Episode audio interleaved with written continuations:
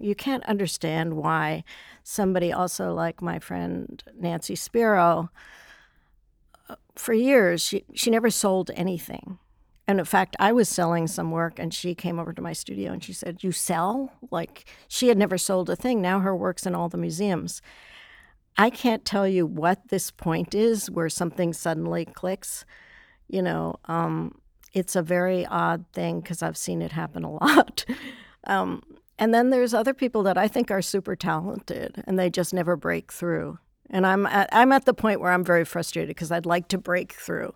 Like I'd like, you know, my work is collected in some ways by mostly other po- mostly other painters and poets, but I'm not too much in the museums. I have like one piece at the Metropolitan Museum of Art and a little a little self-portrait from 1977. So when I actually showed my work from the 70s, which was more um, conceptual and photography based, people were very excited about it. I couldn't show it at all. I could not show that work in 1977. It took 40 years to get it shown. So that's what I mean by being persistent and then seeing sometimes things click into place and people appreciate something that they never appreciated before. With Cecilia, it's definitely the case. I mean, her work's in the Museum of Modern Art right now, at the Guggenheim, and it's work she did in the 70s. And it's, she stopped painting because nobody paid any attention to her painting and nobody supported it. So she stopped doing that work and she went into poetry. And now she's much more well known as an artist a fine artist than as a poet. Um, even though poetry is really where she's been, but there's no money in poetry. There, when things um, happen, there's some money in poetry, I should say, not much, but there's so much more money in art. So as an artist, she could make money. As a poet, she didn't make any money. Um, and she had an audience, but it was other poets, mm-hmm. like you know, when she traveled abroad. And what's amazing to me, in a way, is now in Chile, she's become very important. They paid no attention to her. I mean, she's at least 75, maybe. I'm not totally sure how old she is. But in Chile, it was like she was not uh, even existing to them, you know. So what what makes the change? I can't tell you. Um, partially, it's the art market. She has a very fancy gallery now, and they have a lot of money behind. There's a lot of money behind her. Um, I think she's a wonderful artist and poet, but there's not the money in the poetry, whereas the money is in the art.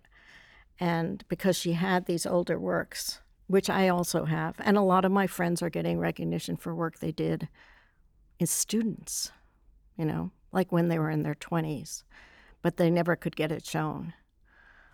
And so there's sort of an interest in um, what's the word? Recuperating, reconnecting with works from the past.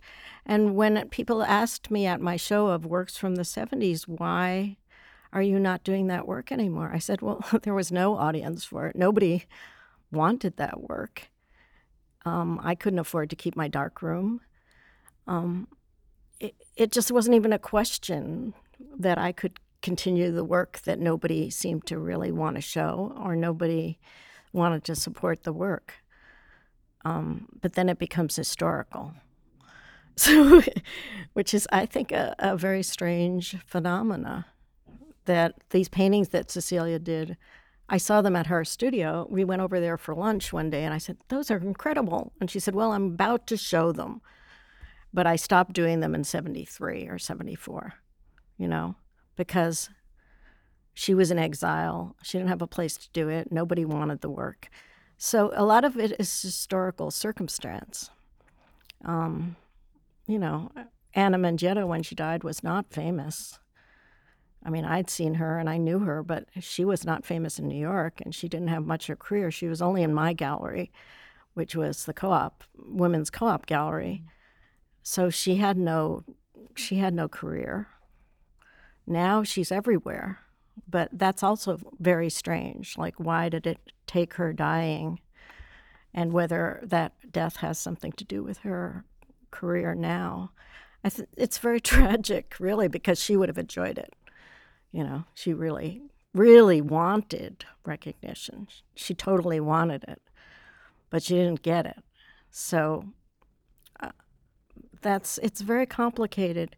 It's a historical question because you know there's always painters like Bouguereau who are like part of the Academy who are super popular in their lifetime, and now nobody likes their work. I always feel bad for those French academic painters. You know, they were like they were the ones, and so you history is strange, and it plays strange tricks on, um, you know, who's you know, certain people are still very difficult for a lot of people like Gertrude Stein's poetry hundreds hundred years later is still difficult for a lot of people. So you can't really tell like maybe my work will seem more uh, might make more sense in 10 years. I'm hoping so, but um, you know, meanwhile I'm not waiting around. I'm just being very active. So I'm trying to get people into the studio. I'm trying to do these talks. I have um, scheduled already a talk for my show because I think you have to take charge of the dialogue. That was the idea of meaning was that we wanted to take charge of the conversation.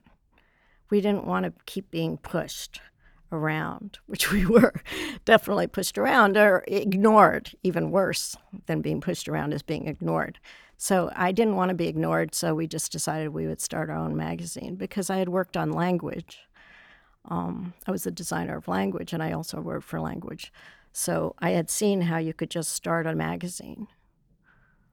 Of course, I didn't expect it to last that long, because you know language was only three or four years, and meaning was thirty years, and that's a long time to do anything. I think, you know, it's probably too long to do anything. But I'm hoping to be rediscovered.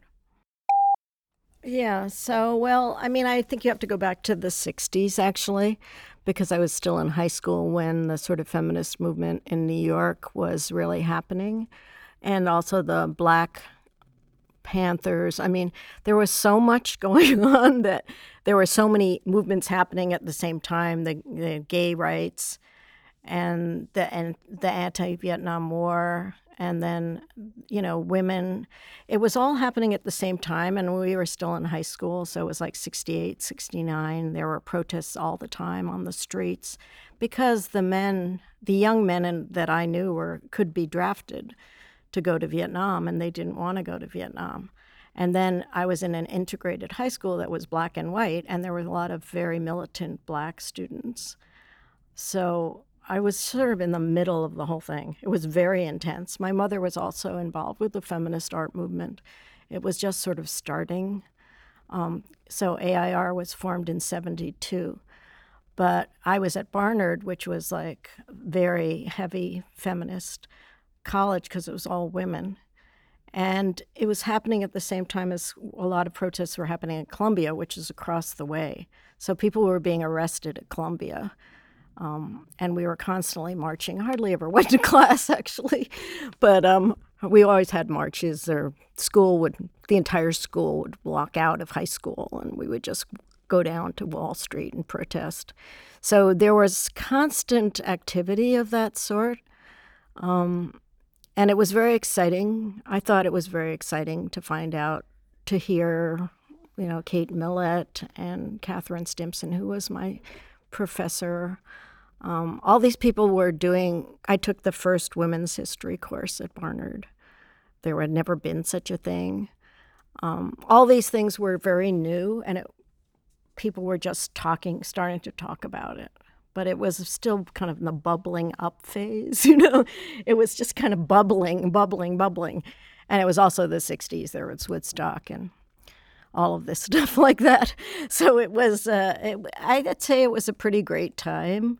And we were very optimistic, which is why I'm not so optimistic now because, uh, you know, 50 years after Woodstock, which Charles and I went to and didn't even like, you know, I have a different feeling about uh, what happened from the 60s. You know, it kind of people just went into their bourgeois lives and, you know, they didn't really pursue all of these things. And then Trump, who's also in the 70s, happened.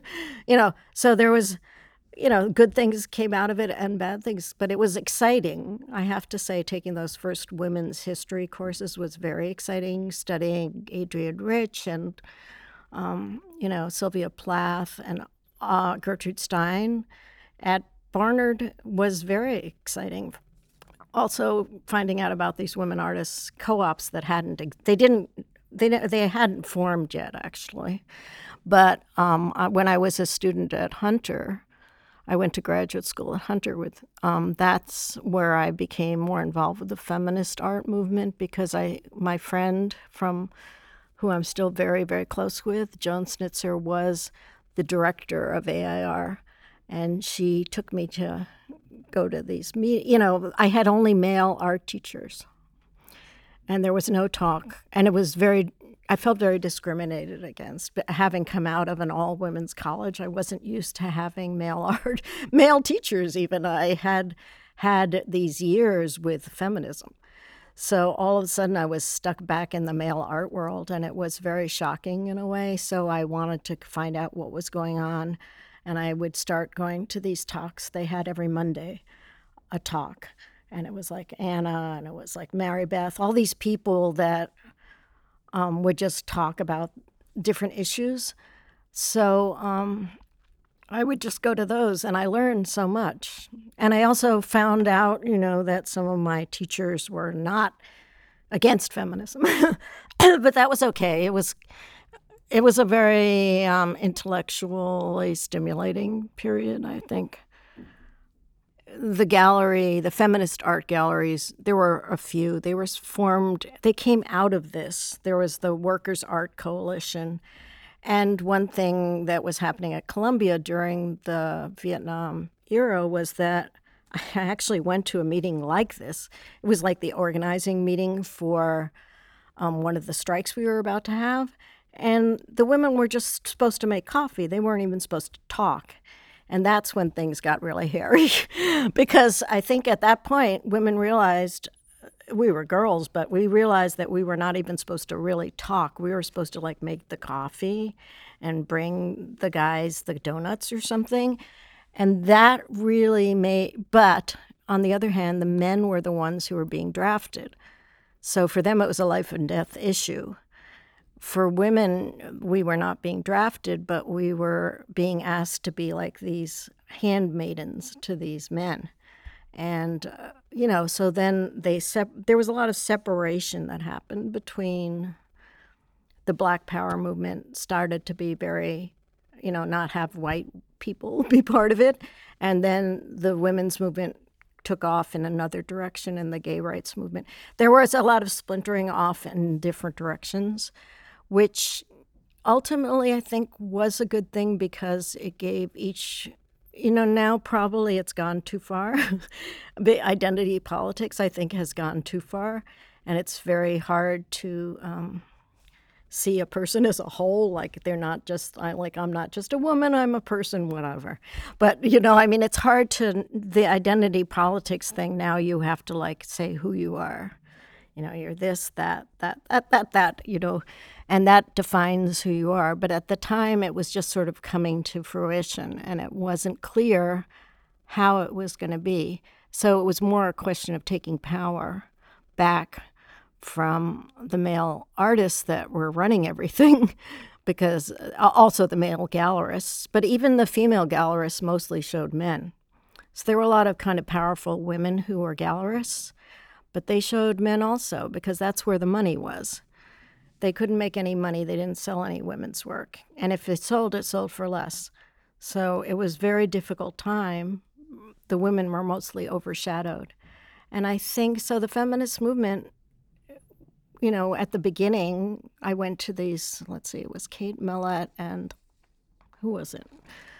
Uh, I can't remember even, but it was a lot of Shulamith Firestone. There were all these great feminist theorists that were talking and they would give talks and there were all these fights and you know i love that to me it was very exciting that that women were having these vocal arguments um, during that time period and it didn't work out that well necessarily you know like uh, there was a, I don't really want to go into it, but you know, a lot of bad things happened.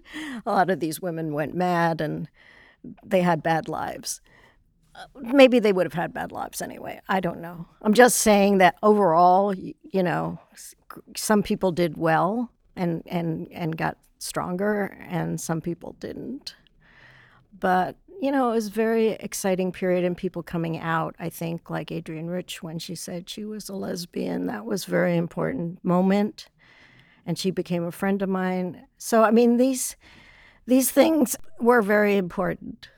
Um, tried to get more women of color involved in the feminist art movement, which was very difficult and it was, and so there were a lot of separatists. There was like a black women's gallery called Just Above Midtown, and we were, tr- you know, I know the struggles over trying to be more inclusive, and now it's a big struggle in our gallery because we're changing the definition of women.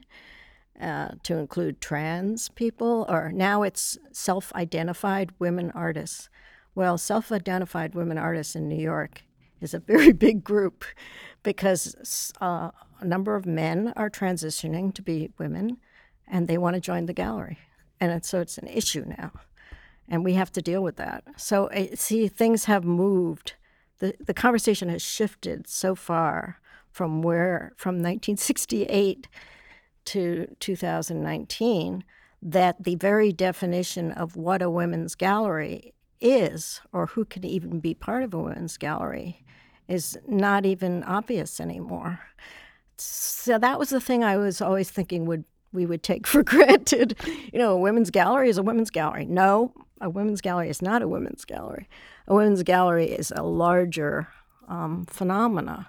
But if we lose the, um, it's a big issue right now because if we lose that definition, what is the point of having this gallery?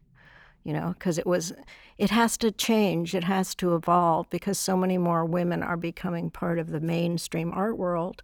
There may not be such a need for this kind of gallery. Or if it is, it's mostly for older women artists who still can't get shown.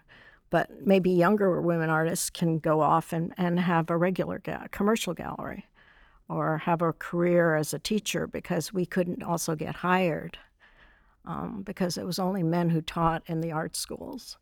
So most of the women of my age couldn't get jobs, or they're all adjuncts and they don't have a pension and they don't have, you know, they don't they didn't get to be real professors because those jobs were taken by men, and um, so those things are are shifting. I think a lot in terms of women getting real jobs or getting tenure or getting um, getting commercial galleries or getting museum shows. All of those things have shifted, but they haven't totally shifted. So there's a lot of people that never really made it. And those people, you know, these women that I know, some of them are very poor, you know, because they didn't have the support. So that's, um, it could be viewed as a tragedy. I'm not saying that, I'm not trying to say that everything turned out badly, but I don't think everything was, you know, I don't think progress is a one way street. You know, it's not, progress doesn't, it goes forward and then you go back. There's been a lot of slippage back. So, as I said, I started in 77. So I made 16 artist books. It was a sideline. It was just something because we were also pub- Charles and I published some books. We had a press called Asylums Press, which published some pub- some books, and then um, these are just some catalogs from different things. So um, I started to do the artist books as a way to distribute the work. In, in fact, because the first book was just my own work, which didn't have any text. But then I decided to, the second book, which I did with Charles, was I thought, well, we were also publishing poetry books, and I was working for Roof Books, which James Sherry runs, and he's still running it. And he asked for a book, and so we had this idea for a book. It was one long poem with pictures so I did that one, and then you know one thing led to another, as it always does. so I kept going, and um, so I did a lot of these limited edition books. I also did one for Charles Alexander. Um, the limited edition books is very different from the offset books, which are affordable. So I wanted to do books that people could afford to buy, but Granary mostly they did publish A Girl's Life, but he likes to do limited edition books that he sells for a lot of money. And they mostly go to museums and collections. So they're not really affordable by individuals. So that's the big divide in the artist book community between affordable and unaffordable editions. And there's also a divide. I mean, I'm kind of more known for working with poets. And I guess that's um, a little different because a lot of artist book stuff has nothing to do with poetry. It has just to do with artist books, which is its own field and has its own rules, none of which I've really followed. But I know, you know, that field has its own genre rules and specific things you should do and not do, and I pay no attention to that. But um, so I love working with poets and you know what it is? It's like a nice relief from the solitariness of painting, plus, it goes to a different audience. Early on, I used to do a lot of collages with language, and some of them are published on a, a website called Cold Front. Um, so, my first two books, I think, after Photogram were uh, this little book called Not and Is Not. I think they're up on my website. And I was always interested in working with language. I mean, I I like the idea of collaging. And in fact, there's more collage in these books than there is in my paintings now. I used to put a lot of collage in the painting, but I took the collage out and I put it in the books and in the drawings. And I also set all the type. So that's the other thing. Um, during the typesetting time, I set all the type for these books and that was also a lot of work to do and then pasted them up or did it in the computer but it's a it's a way to include language because I love poetry and I love poets. so why not get involved with a few of them, which I have done over the years. Um, but I don't usually in the tail. I have a few books which are just my books where I only have language that I collaged from like children's books or from different sources. So Talespin, which is my book, has no poet. I am very proud of that. I did it myself. I found some language and I just cut it up and I stuck it in, um, which is pretty much the way I often work anyway. But in that one, I didn't. Often, when I'm working with Charles Bernstein, I I cut up his poems and I just use a line or two.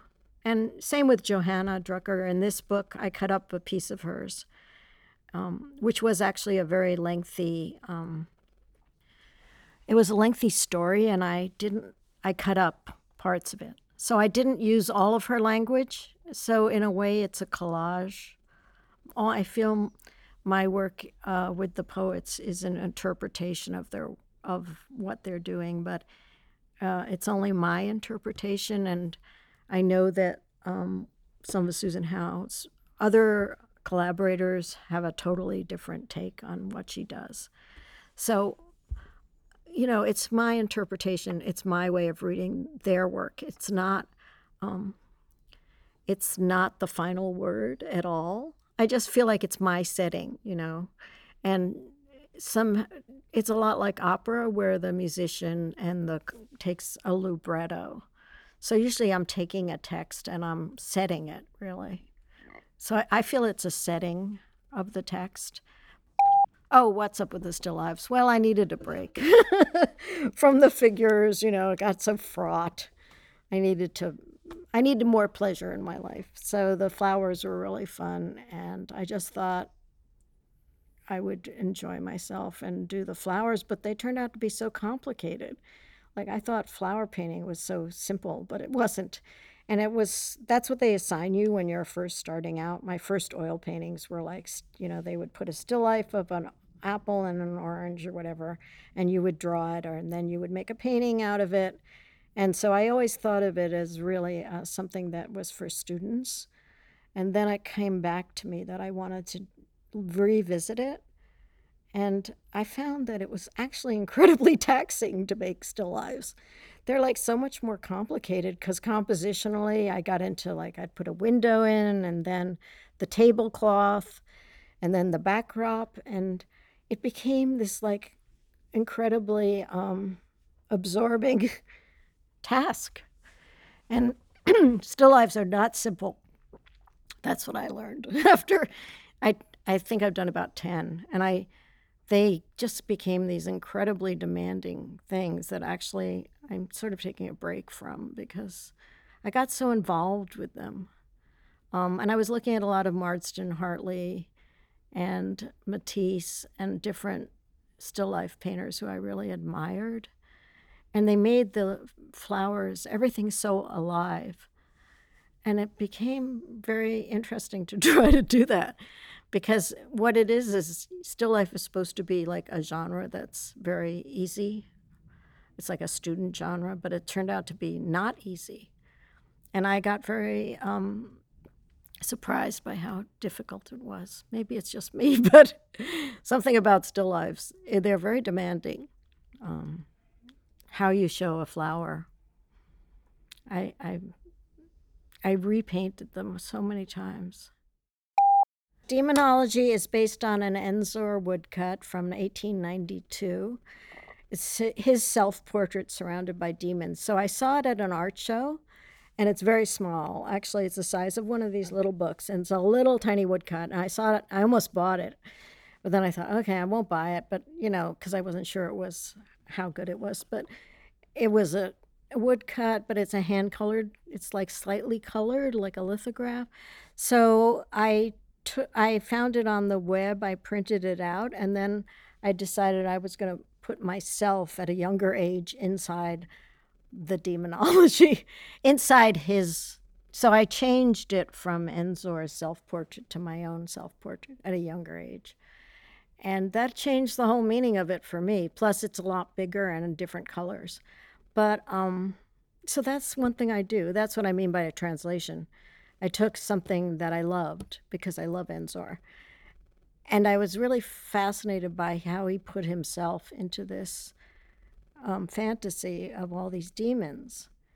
And they seemed sort of friendly. Like when I started working on them, I started realizing that he had like a friendship with the demons. But it wasn't that obvious until I started to spend time with this because when you actually start to spend time with another artist's work, you realize certain realizations pop up.